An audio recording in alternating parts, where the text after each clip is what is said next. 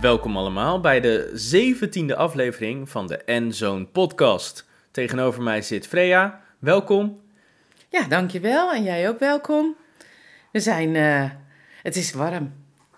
Het is ongelooflijk Het is warm. zo warm deze septemberdagen, dat ik gewoon de hele dag zweet. Echt de hele dag. Ja, mensen het- vinden het hier zo warm dat ze wat vuurwerk afsteken, hoor ik achter mij. Inderdaad, waarom? Maar goed, Misschien was het vuurwerk ook te warm geworden. dat het spontaan ont, eh, ontsprong. Ik denk het. Nee, maar inderdaad, het is warm en volgens mij is het eh, nog nooit zo warm geweest in de herfst. Ja, dat zeggen ze, hè? Ja. Heel interessant eigenlijk toch wel, die opwarming van de septembers. Nou, Ja. nou ik- ik... kan me herinneren, 37 jaar geleden, toen was het ook warm. Ja, zo warm. toen beviel ik van mijn eerste kind, in deze week zeg maar. Ja, En het was echt zo warm. ja. Ja, dus gek hè? 37 jaar geleden. Dus ja, ik weet niet, het is zo relatief. Maar aan de andere kant, ja, misschien was het ietsje minder warm. Maar, Maar het was warm. Het was hebben- prachtig weer. Ja, we hebben vele dagen al met 30 graden Ja, gehad. ik denk Het niet is dat echt- het zo warm was. Het 30 ma- is tropisch, toch? Ja, ja, het? ja, ja. Ik denk dat het toen 25 was of zo. Ja. Ja. Ja, dat, ja, dat, dat is... Ik, ik moet zeggen, 25 vind ik een aangename temperatuur. Alles daarboven is te warm. Ja, hè? Je blijft zweten en je voelt je ongemakkelijk en je wordt een beetje sloom. Ik... Ik zweet ook van nature best wel snel, merk ik. Oké, En ehm, ja, als ik op eh, kantoor zit of een vergadering heb, dan begin ik ook al te zweten. ja, precies. Dat brengt iets spanning met zich mee. Of je moet alerter zijn, waardoor je ook al gaat zweten. Dus ik vind het altijd heel prettig als het extra koud staat. Ja, Gewoon 16 oh ja. graden. Dan kan je prettiger vergaderen. Oké, Ja, en, Ja. en het, het eist focus dan. oké. Ik ga me dan een soort van van nature focussen op, op wat ik moet doen en eh, de gesprekken die ik heb. Ik Dat heb dat ook. Als ik eh, professioneel te- telefoongesprekken heb met mensen, dat ik gewoon eerder eh zweet, omdat je bezig bent met goed eh, verwoorden, wat je wilt verwoorden. Ja, het is presteren. Ja, Klopt. Ja. ja. Eigenlijk heb ik daar nooit iets over gelezen. Wat je lichaam doet, omdat je bezig bent met een bepaalde prestatie neerzetten. Gewoon terwijl je zit achter je laptop. Ja zelfs mentale prestatie ga ik van zweten. Ja, ja, ja, dat klopt. Ja, Ja, dat heb ik ook. ja bizar. Ja, dus je, je, je, hart gaat, je hartslag gaat Ja. waarschijnlijk omhoog en je bloed gaat sneller pompen. Ja, misschien. Ja. Ik weet het niet. Want ik weet niet of dat dan gecorreleerd is aan elkaar. Of dan hartslag en eh, eh, dat er meer zuurstof door... Want ik, ik bedoel, ik ben niet lichamelijk aan het sporten, nee. maar ik ga wel zweten. Ja, ik denk dat dat gebeurt. Als ik ga sporten, dan ga ik nog harder zweten. Ja, oké, maar dat is heel logisch. Maar ik heb ook dus al eerder dat Ja. ik zweet met bijvoorbeeld lichte inspanning. Ja, ja, oké. En het is natuurlijk goed om te zweten vanwege het feit dat je moet afkoelen. Ja, maar het, Dus, wat, wat ik ervan heb begrepen, is dat dat maar heel weinig helpt. Het Is- helpt is maar heel zo? weinig. Ja, het, de, het afkoelingsproces door te zweten is eigenlijk maar zeer beperkt. En het effect wat veel vervelender ervan is, dat, dat is bijvoorbeeld als je de berg in gaat of de Noordpool of zo. Zweet betekent dat je vocht hebt en als vocht bevriest, krijg je het alleen maar nog kouder. mhm. Dus als je bijvoorbeeld in de sneeuw gaat langlaufen, dan wil je precies onder het zweetgrens, ja, onder de Blijven. zweetgrens blijven. ja, Want ja. op het moment dat je gaat zweten, dan gaan die, dan gaat dat vocht uiteindelijk ijs worden. Omdat je in een zeer koude temperatuur omgeving zit. Dus je wilt niet Nou, zweten als je dan. bezig bent en je hebt kleding aan, dan blijft die warmte tussen jou en de kleding inhangen. Nee, Niet? nee, Ja. nee. Dit, dit- is wat ik serieus heb meegekregen. Als je dus op echt koude omgevingen, in echt koude omgevingen Ja, zit, dan wil je niet gaan zweten. Oké. Want het effect is dus vervelender. Bevriezing. Ja, bevriezing. En dus dat je gewoon, gewoon je huid ook. Eh, want ehm, je, je moet natuurlijk, als je beweegt, wil je niet te veel kleding aan hebben. Nee, klopt. Maar zodra je Ja, stilstaat, ja. moet je dan weer laagjes ja, aan dat doen. klopt. Ja, Nou, het is, er komt Ja. heel veel bij kijken. Ja, ik had gelezen in de krant dat je temperatuur daalt zodra je slaapt. Dus dit is een andere situatie. Ja. Als je slaapt, gaat je temperatuur naar beneden, waardoor een warme nacht sowieso beter te, te verdragen is. Maar vannacht heb ik zo'n ventilator aan mijn voeteneind gezet. Nou, Ja. Dat is toch wel super lekker hoor. ja. Ja. Wat, wat dat dus eigenlijk doet, is doordat je... elke- Circuleren van de ja, je- lucht. Je, circuleert de lucht, maar daardoor komt er elke keer een soort van eh, eh, lucht die ergens anders is geweest langs jouw huid. Ja, Waardoor jouw huid die warmte kan afgeven. afgeven. Ja. En nu is dus het punt, ga, ehm, kan je huid sneller koelen doordat het zweet? Dat is mijn vraag. Maar volgens mij is dat dus maar zeer Ja, maar beperkt. je hebt dan die luchtcirculatie erbij nodig. Dus als je in vergadering bent, is dat niet zo. Maar als je buiten loopt, denk ik dat het wel zo is. Dat je dan Ik denk dat dus, ja, maar ik denk dus, dus, eh, wat u zegt inderdaad, door die luchtcirculatie, dat dat veel sneller en beter afkoelt dan door te zweten. Klopt. Ja. Want dat merken we allemaal, als we in de wind lopen, hebben we niet door dat we verbranden. Nee, ook. Ja. Doordat elke keer het koel Die- aanvoelt, ja, doordat je ja. eh, lichaam heel makkelijk die hitte kwijt ja, kan, maar je hebt even goed die straling op je huid. vergeet je dat inderdaad die straling inderdaad op je huid, eh, wel je huid verbrandt. Ja, wat bijzondere gewaarwording hebben we daar mee met onze huid. Dat is wel bijzonder. Het is een bijzonder orgaan. Ja, Ja, ja dat, leuk. dat concept vind ik trouwens ook altijd bizar, want orgaan denk ik altijd wat er ja, binnenin ja, ja, ja, zit. ja, ja, maar het is ook een orgaan. Maar het is één Ja, groot, heel groot orgaan, Orgaan. natuurlijk, ja. Ja. Heel bijzonder. Ehm, waar ik het trouwens met u over wilde hebben, is eigenlijk over eh, hoe de samenleving is opgebouwd. Want ik kwam dus tot het inzicht, en volgens mij hebben we het al een klein beetje een keer eerder hierover gehad. Maar de samenleving is eigenlijk opgebouwd uit verschillende lagen. En om te beginnen heb je natuurlijk de individu, om het maar even soort van tot het kleinste punt te maken.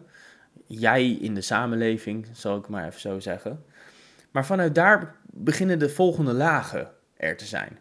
Dus eerst heb je de individu, dan heb je misschien je partner, degene die, eh, waar je, eh, de- in mijn geval is het dan een partner, zou ik maar even zo zeggen. Vanuit daar heb je je huishouden, dus je gezin of je bent nog kind, dan ben je in het gezin. En vanuit daar naar de volgende laag is de eerste gemeenschappen. En dat kan zijn bijvoorbeeld de mensen uit de straat, maar dat kunnen ook bijvoorbeeld ehm interessegemeenschappen zijn, of kerkelijk gemeenschap, misschien een hele eh, wel? Consistent. Consistent. Consistent? Een consistente groep. Ja, een consistente Maar die groep. gaat echt door de tijd heen Ja. mee. Nou ja, precies. Eh, maar het kan ook sportclubs zijn. Het kunnen. de- de kan, nou, sportclubs zijn natuurlijk ook heel veel. En zo kan je steeds meer hebben. Maar je hebt bijvoorbeeld ook je school. Ehm, of de klas waar je in zit. Dat zijn ook soort van gemeenschappen die voor niet, niet consistent voor een hele lange tijd. Maar voor misschien bijvoorbeeld zes jaar of voor acht jaar. eh, dezelfde groep ongeveer eh, zijn. En zo heb je steeds groter wordende eigenlijk lagen in de samenleving, to- tot je eigenlijk komt tot de bestuurslagen. En dat is natuurlijk interessant vanuit een bestuurskundig oogpunt. Dan ga je kijken van hoe besturen we nou die samenleving? En dan ga je vaak, eh, dan kijkt men vanuit eh, dat je dus eh, zo dicht mogelijk bij de burger, dat is dan de gemeente, gemeentelijke bestuurslaag. Mhm. En, maar je hebt ook de provincies, de waterschappen, ehm, de die regio's.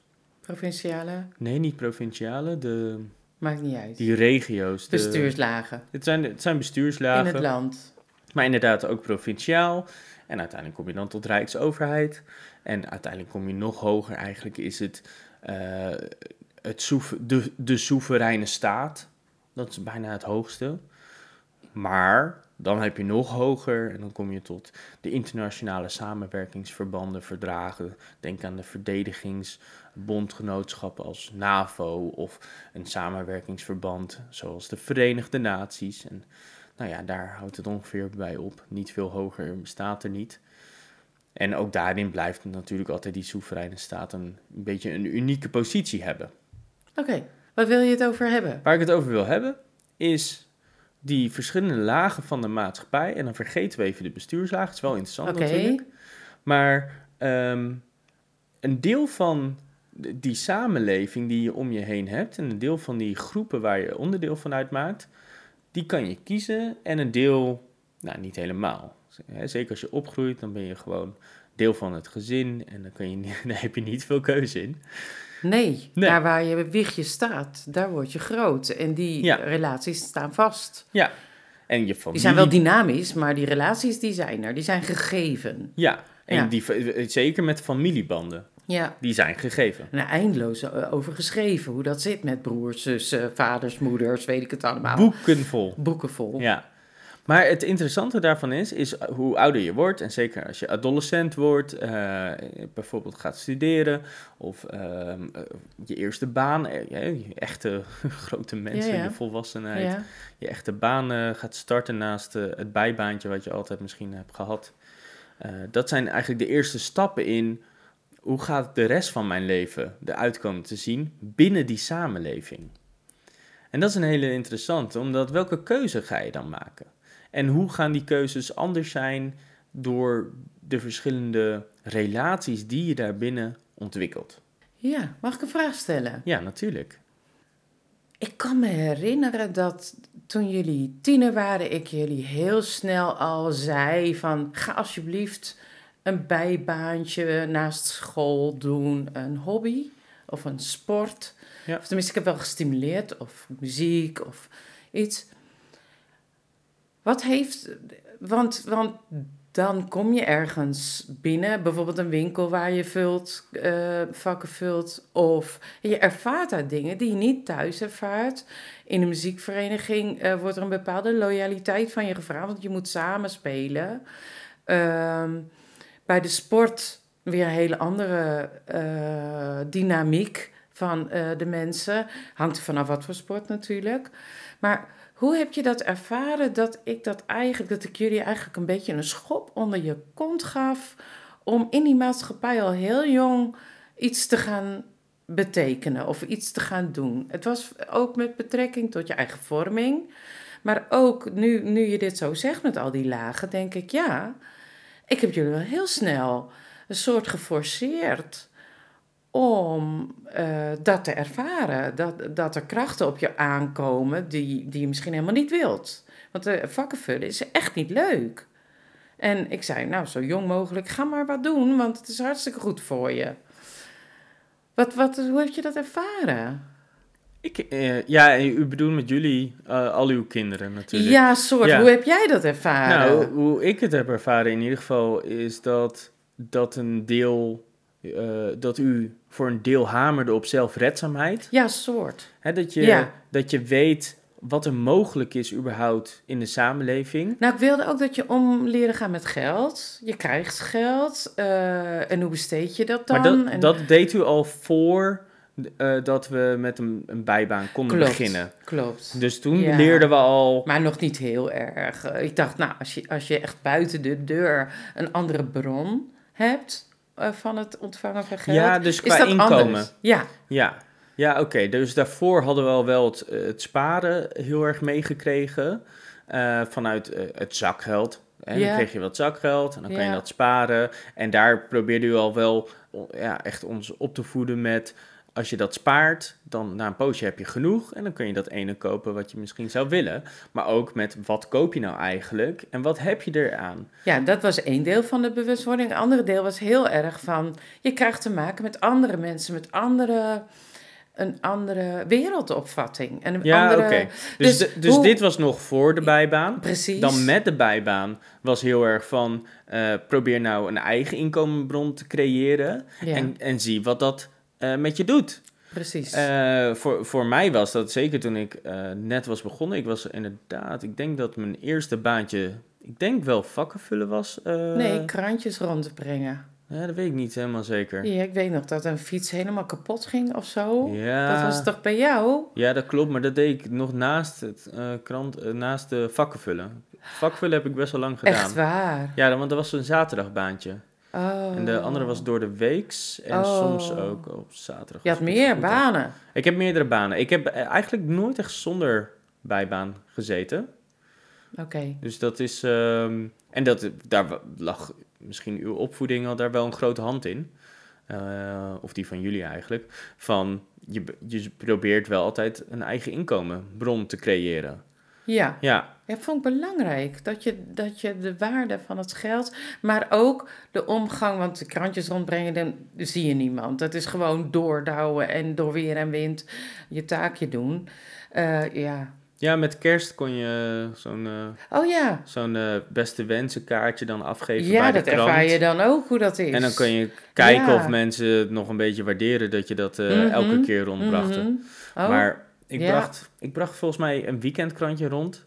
En ik weet nog wel één wijk dat, ja, er waren wel wat mensen die eh, eh, of zeer krenterig waren of eh, niet precies wisten wat nou waarde van het geld was wat ze eigenlijk gaven. oh joh. Ja, dat ze echt eh, Oh. 50 euro gaven alsof het eh 2 euro munt was. Oh. Ja, hè? dat was echt bizar. Oh joh. Ja, dan ervaar je dus dat soort dingen. Ja, Dat is wel interessant. Ja dat was want, heel want je interessant. bent jong en je krijgt dan opeens een groot bedrag in, in handen, terwijl je buffelt voor een eh, klein eh, uurloontje, zeg maar. Ja, Wel apart, dat doet wat met je. Nou ja, ik realiseerde me dat, dat je dus eigenlijk vanuit een, goed, een, een vrijgevigheid van een bepaald type persoon veel meer kan ontvangen in, in geldtermen dan dat je uren wegbuffelt voor dat ene uurloontje. Ja, Dus dat het eigenlijk als je vanuit. Dat dat was voor het eerst dat ik begon na te denken van. Als je ooit zelf iets gaat doen en een business zoekt, dan moet je de juiste mensen gaan zoeken aan wie je die business gaat verkopen. ja, En dus niet dat je voor een uurloontje bij een baas ergens weg zit te buffelen. nee, oké. Want dat, is het niet waard. motiveerde je niet. Nee, Dat- maar ik realiseerde me dat is het dus niet waard. Oké, Je kan beter business zoeken voor mensen die eh, voldoende geld hebben. eh, het niet zoveel uitmaakt hoeveel geld ze aan iets uitgeven. En dat ze, nou ja, ja hoe, hoe zei oh, er was een Vlaam die zei het. Je moet de rijke domme hebben. ja, dus de, of de domme rijken, net hoe je het wilt zien.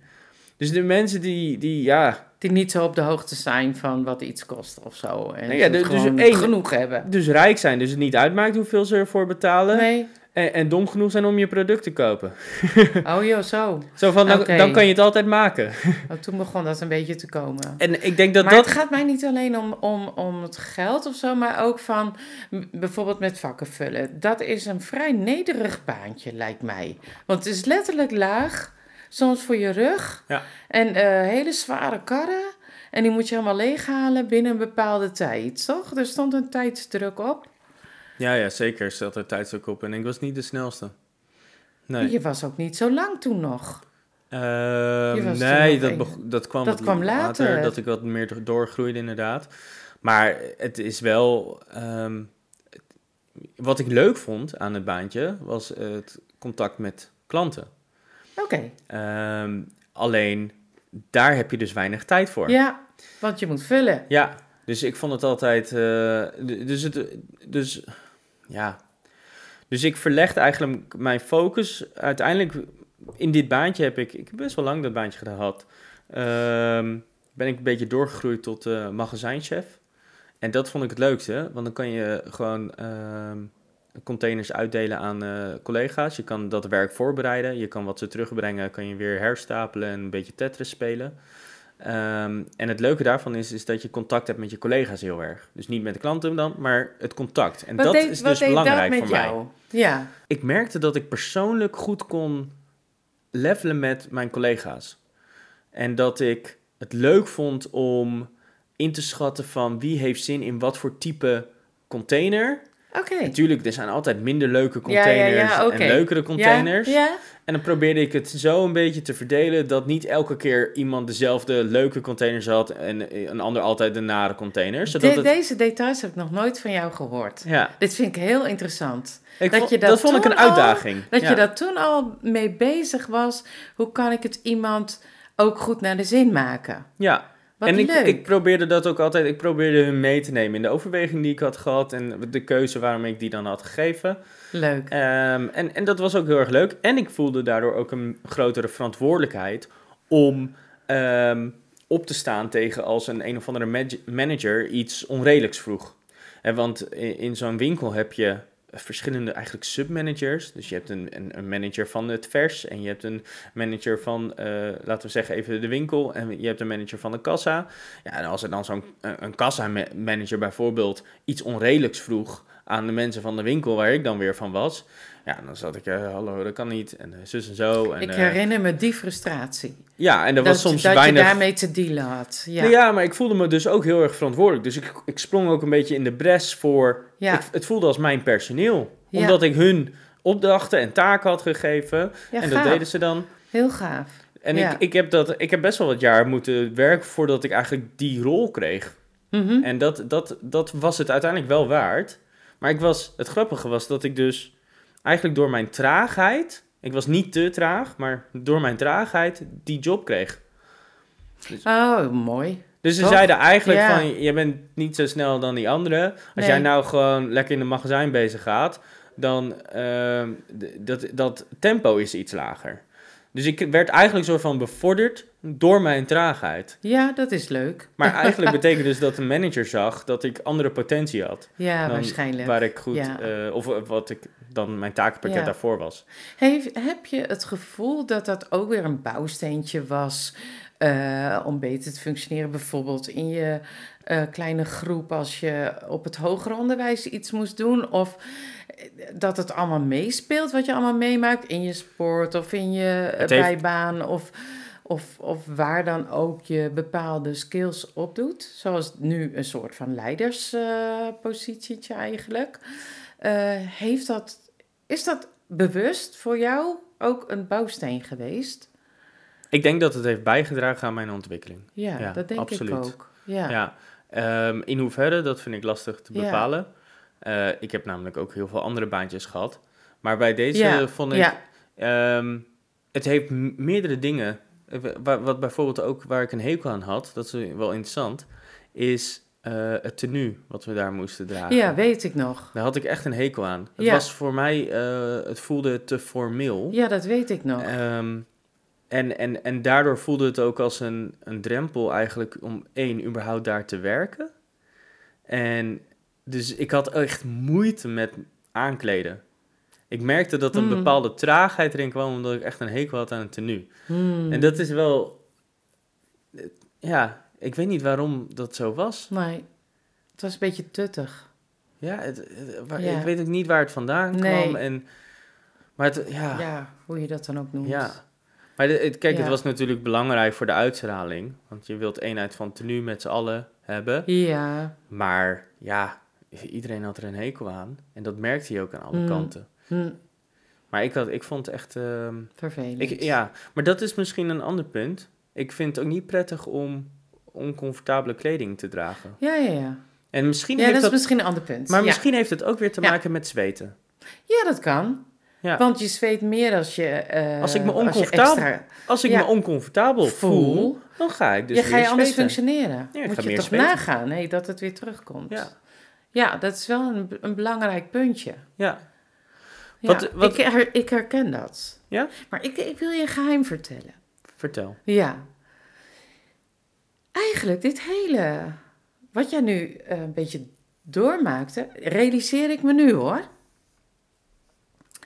Dat mijn moeder exact dezelfde drijfveren had als ik. Zij schopte ons ook vrij redelijk uh, vroeg, vanaf elf jaar ongeveer, uh, in de zomervakantie. Of het liefst, toen, was, toen mocht je ook in de zomervakantie wel een zomerbaantje hebben. Ik was elf dat ik mijn eerste zomerbaantje had. En dat ik me heel klein en jong voelde, te midden van de anderen die, dat, die daar werkten. Mm, en dat ik helemaal, ik was traag, ik was helemaal niet snel. En ik had dus veel minder in mijn loonzakje aan het eind van de week dan de anderen. Maar ik voelde me wel trots. Toen ik dat eerste zakje met geld daarin ontving. Het was maar elf, weet je. Dus net van de basisschool Kinderarbeid af, zeg noemen maar. we dat tegenwoordig. Ja, maar dat was toen om, redelijk normaal. Toen begon je vanaf je basisschool daarna... of de eerste vakantie na de basisschool... kon je al een vakantiebaantje. En eigenlijk alle, alle kinderen boven mij ook. En, en toen ik 15 was zij zei tegen mij, eh, er is een kassajuffrouw, wordt daar en daar gevraagd, joh, eh, ga er nu naartoe, want ze nemen je vast aan. Dat was ook zo gek, hè? Dus ehm, op de een of andere manier had zij een drive dat wij ook iets in de maatschappij zouden doen, dat we die ervaring door zouden. Ik zou nooit zelf erop afgestapt zijn. Hm. Ik was heel beetje eh, verlegen. Ja. En zo van, ik had het idee dat ik dat niet zou kunnen. Achter de kassa, kom op. Toen je 15 was. Ik voelde me heel jong. En ik kwam daar en ik zeg tegen die meneer, ehm, eh, ik zag, ja, ik, ik had het wel gepersonaliseerd naar me toe intussen, in die vijf minuten dat ik erheen reed, of zeven minuten. En ik zag die, die aankondiging inderdaad hangen. En ik zeg tegen die meneer, de strenge winkelchef, zeg, ik zie daar, eh, u vraagt een, een kassa, eh, juffrouw, hier ben ik. Hij, vroeg, eh, wat, wat, eh, welke school zit je? Ik zeg, nou, op de AVO. En eh, toen zei hij, nou, dan ben je aangenomen, morgen word je verwacht. Ik zeg, wat? maar het was perfecte opvang. Ik Ja. kreeg direct scholing hoe je dat moest doen. En het was toen die oude kassa's, dat was echt geen sinecure. Maar het was heel leuk werk. Sorry, sinecure? Ja, dat was echt eh, Wat is dat? niet makkelijk. Ja, dat was echt niet meteen dat je dat in de vingers had of zo. Maar op ja. den duur werd het eh, wedstrijd onder de kassajuffrouwen wie het snelste was. ja, met terugtellen en alles. Of, eh, Ja, met ook aanslaan. Oh ja. ja. Dat ging heel snel. Oh, ik weet wel een leuk grappig verhaal daarover trouwens. De, Al- Aldi is zo'n ehm, eh, is een, winkel in, vooral in Amerika, waarin ze dus gewoon rapido dat doen, hè. Terwijl in Amerika is heel veel draait om service. Het is een service Ja, dat klopt. Dus ze hebben daar ook mensen die dat die baggen. Hè? Dus die Ja. stoppen alles in een tas. Ja, voor je. Maar in, bij de Aldi niet. Dus toen de Aldi daar kwam, toen was het gewoon zo snel mogelijk dat eh, langs die scanner en je moet zelf maar bijbenen. Weet je wel? ja, Dat zijn wij in Nederland gewoon gewend. Ja. Maar voor hun is dat soort van, waar zijn die Onbeleefd. mensen mee bezig? Onbeleefd inderdaad. Ja, ja. Nou, hilarisch. Hoeveel mensen daar op social media op reageerden. en echt. Oh, Maar ja. ze moesten even wennen aan het Aldi-principe. Heel groot cultuurverschil. Culture shock hoor. Ja, heel grappig. Maar goed, dat was... Dat was ik, ik realiseer me dus dat, dat dat vanuit mijn moeder een soort overtuiging was, innerlijke overtuiging, dat je je kinderen moest stimuleren om aan dingen mee te gaan doen in de Ja. maatschappij. Maar dat is ook goed, want ik denk juist door die ervaringen die ik heb gehad, ehm, realiseerde ik dat mijn potentie niet per se bijvoorbeeld in snelheid ligt, maar veel meer in het eh, persoonlijke contact, contact met mensen. Ja, En dat ik daarin eh, kan floreren. ja, dat dat een Ja. mogelijkheid is. Maar ook dat ik blijkbaar dus eh, liever kijk naar ehm, wat is mogelijk, wat zou de beste oplossing zijn. Dat ik heel erg oplossingsgericht kijk. Maar ook dat ik een beetje, ehm, ja, hoe noemen ze dat? Wat is, de, wat is het Nederlandse woord voor prospecting? prospects. Ja, prospecting is dus, prospectus is een reclamefolder. nou ja, oh, grappig. Ja. Hoe dat eh, taalkundig met elkaar verbonden is. Ja. Het gaat erom dat je dus de kansen probeert te identificeren. Ja. Zoals dat met die, die, eh, die- nou ja, die, die rijke mensen, laat ik het maar even zo zeggen. De mensen in die villa's die dan zo makkelijk eh 50 euro of zo gaven. Of Ja. makkelijk 20 euro gaven. Alleen maar omdat je elk jaar een krantje langs brengt. En één keer in de week. Ja. Ehm, dat dat totaal niet opweegt eigenlijk voor, ten opzichte met het uurloon. Dat ik me realiseerde van, hé, hey, hier zit markt in. Ja. Hier kan je, op deze manier kan je naar eh, bepaalde eh, doelgroepen kijken. En dat Ja, is ja. hè, je doelgroep uitzoeken, dat is prospecting. Ja. Oh, oh, zo. Ja, dus dat je zoekt van, hé, hey, wel, welke markt is er en voor welke doelgroep is dat dan? Ja. Ja, en er is een delta tussen, tussen als, vraag en eh, aanbod. Of mhm. er is iets unieks wat mist. Mhm. En toen realiseerde ik me dus dat ik dat misschien van nature best wel makkelijk doe. Ja. Ja, dat heb je later ook ervaren. Heb je ook nog een jaar in een winkel perfect ge... gefunctioneerd, toch? Ja. Nou ja, dat was heel erg leuk. ja, dus dat met was klantcontact. Ja. Eh, ik had ook veel affiniteit met de producten die we verkochten. ja, leuk. Dus Ja. ik realiseerde me ook dat... ehm, wat grappig is, is dat je targets had voor eh, bijverkoop. Wat Ja, natuurlijk logisch ja. is, Ja, eh, want hoe meer bijverkoop, hoe meer, eh, daar zit de meeste marge natuurlijk op. En eh, zo kunnen ze tenminste boven water blijven. ja, Dat is trouwens niet gelukt, maar dat kan. ja, dat, dat, maar de, de- wat, wat ik merkte doordat ik zo leuk contact had met de klanten en echt meeging in het verhaal van wat hun behoefte was en daar dan invulling aan wilde geven, dat ik altijd uitkwam op een compleet pakket. En niet maar één product en dat was nee, het. Maar dat je altijd een, een, een pakket aan producten uiteindelijk opleverde, omdat je helemaal begreep welke behoeften ze hadden Ja. en op welke manier je die, ehm, nou ja, met de producten die je dan in de winkel Mhm, had, mhm. kon vervullen, het beste Ja. kon vervullen. Mensen dus blij en gelukkig naar huis gaan. Sterker zelfs, En, eh, dat creëerde dus weer nog meer klandizie. Ja, dat klopt. Want mensen kwamen terug, ja. of de familie Want je van, hebt het duidelijk van. uitgelegd Juist, en, en, ja. en het functioneert en mensen zijn blij. En ik realiseerde me dat daar dus ook weer markten ontstonden. Want er was toen iets. ehm, er was, er was een, een beleid van bepaalde scholen. En opeens kwamen allemaal ouders bij ons langs. Ja, Dat is natuurlijk interessant. dat is heel en interessant. dan moet je eigenlijk. Toen ik dat realiseerde, zei ik: ja, hier moet je eigenlijk als business meteen op inhaken. Ja, Toen heb ik dat gekoppeld aan eh, onze eh, manager. Ja, daar is helemaal niet. Ja, daar is volgens mij niks op is uitgekomen. minder mee gedaan. Maar ik realiseerde me, Mm. dit is niet één school. Dit zijn vele scholen. Ja, dit is niet alleen hier. hebben. Dit is door heel het land heen. Ja, zeker. Hier moet je gewoon ja, 100% proberen op in te zetten. zoiets al als die mondkapjesdeal.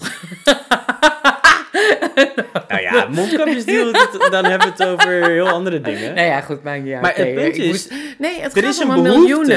Ja, het gaat om heel veel geld. En Ja. er is een behoefte die ontstaat. En dat is gedreven vanuit een bepaalde vraag. In dit geval vanuit Mhm. scholen. Mhm, Want dat komt uiteindelijk dan bij ouders te liggen en de leerlingen. Ja. Ja, dan moet je daarop instappen. ja, het is mooi dat jij dat zag. hey, maar ehm, Ik was er bijna zelf op ingestapt. Ja, dat kan ik me voorstellen. Ja, Ja, want eh, ik bedoel, de, de eerste school, eh, eerste, de- ik wist het ook al bij de tweede paar ouders die langskwamen. natuurlijk. Toen realiseerde ik me al, ik, ja, Dit is booming. ik kan zo contact opnemen met mijn oude docent en eh Ja, daarover gaan babbelen. ja, eh, ja. van, want hier kunnen we op instappen. ja, ja, En toen heb ik dat gekoppeld aan eh, mijn manager en dacht ik van nou, hoofdkantoor pakt Ja, dat wel mooi op en door. zo. Ja. Ja. ja, niks van teruggekregen natuurlijk. Nee. Maar toen ook wel gerealiseerd van ja, weet je, mensen gaan het niet doen. Mensen gaan het ook niet voor je doen. Dus eigenlijk, als je zoiets ziet, dan, moet je het zelf doen. Ja. Ja. ja, daar ben ik van overtuigd dat het zo is. En je moet het ook nooit met eigen geld doen. Maar we hadden het over de, Ja. de, de individu en het gezin als basis eigenlijk. Want je zei eigenlijk dat is het epicentrum van eh, de opbouw van de maatschappij. Nou ja, vanuit de belevingswereld. Je Kijk, eigen je kan- persoonlijke belevingswereld. Ja, je begint altijd van, je kijkt uit je eigen ogen. Dus je begint ergens altijd vanuit jezelf. ja, Ehm, of je nou even jezelf meetelt of wegtelt, wegcijfert bedoel ik. Ehm, dat kan natuurlijk, want de een zegt ik kijk vanuit mijn ogen en ik zie de mensen om me heen. En de ander zegt ik kijk vanuit mijn ogen, dus ik zei ik.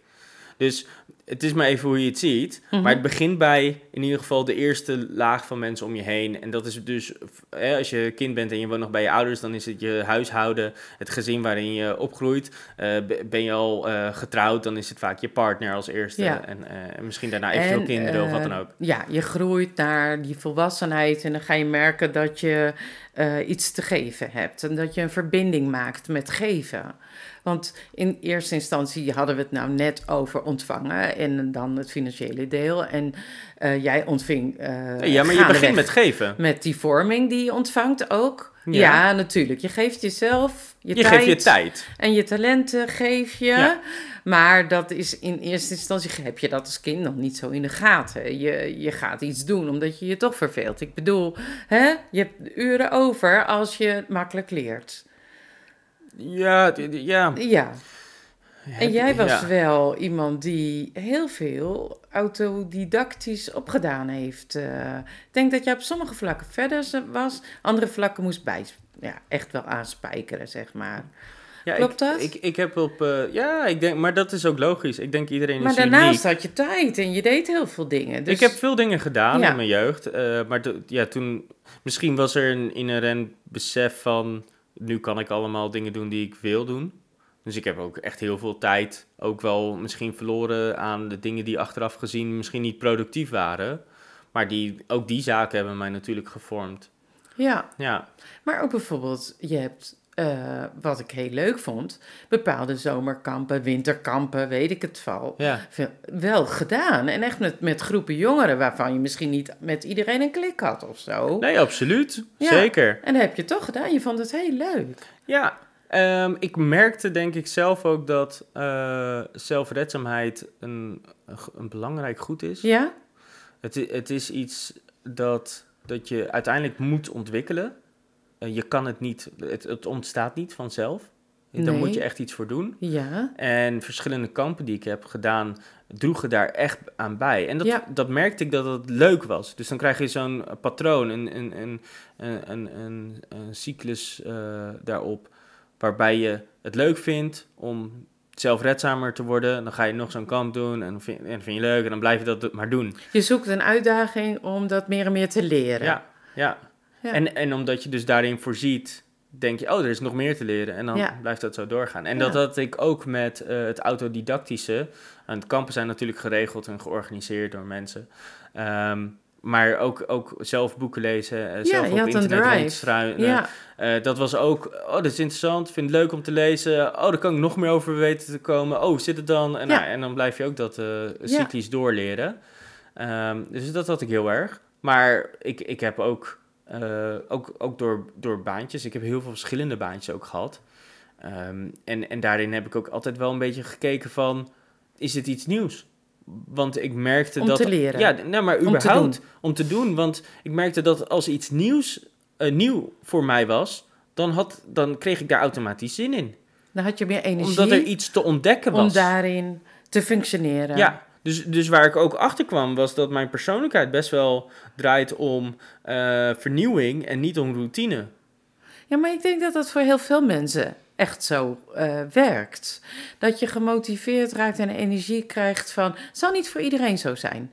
Maar voor heel veel mensen wel. En ja, je doet iets nieuws waardoor je gewoon nieuwe energie oplaadt. Ja, Je leert iets nieuws. Maar wat je- ik daardoor niet leerde, en dat was wat me misschien later weer beet, eh, is, is dus ehm, hoe, ga, hoe creëer je nou een, goed, een goede ro- routine? Eh, Ik bedoel, we hebben het gehad over bijvoorbeeld onze ochtendrituelen. Ja. Voor mij is dat chaos in de ochtend. En dat is nog steeds zo.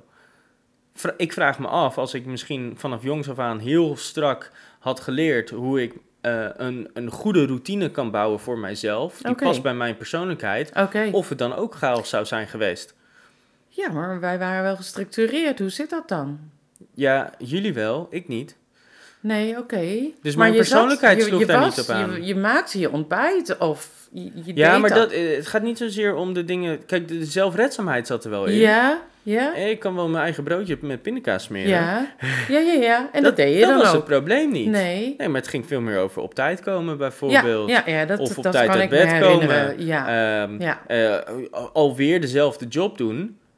Ja, na een poosje is het routinewerk en niet meer interessant voor jou. nee, dat klopt. Nu praat ik in derde Oh. persoon over mezelf. Ja, maar dat vind ik niet erg. Maar ik herken dat wel. Ik herken dat wel. Ja, dat en en een- dat, zit- daar heb ik ja. moeite mee. En ik heb dat eh, later wel, eh, nu ik volwassen ben, leer ik dat wel steeds beter te doen. Eh, zeker met een, kind wat gewoon super vroeg wakker is, Ja, ja. wordt er voor een deel ook een beetje geforceerd ja, hè, door, door je omstandigheden. ja. Ehm, en, en dan eh, gebeurt het ergens een deel automatisch, maar een ander deel is, ik moet nog steeds erop letten dat ik eh, eh, op tijd ga koken, bijvoorbeeld. ja, ja. Dus ik moet dat heel bewust doen. Ja. Eh, want het, eh, Die structuur. ja, die routine bouwen is, komt niet van nature. Ja, tot zover. Ehm, deze aflevering is erg lang geworden, dus we hebben hem in twee delen gemaakt. Eh, dus dit was deel 1. En volgende week komt deel 2 van dit gesprek. Dus ik zie jullie graag weer allemaal volgende week bij deel 2 en aflevering 18.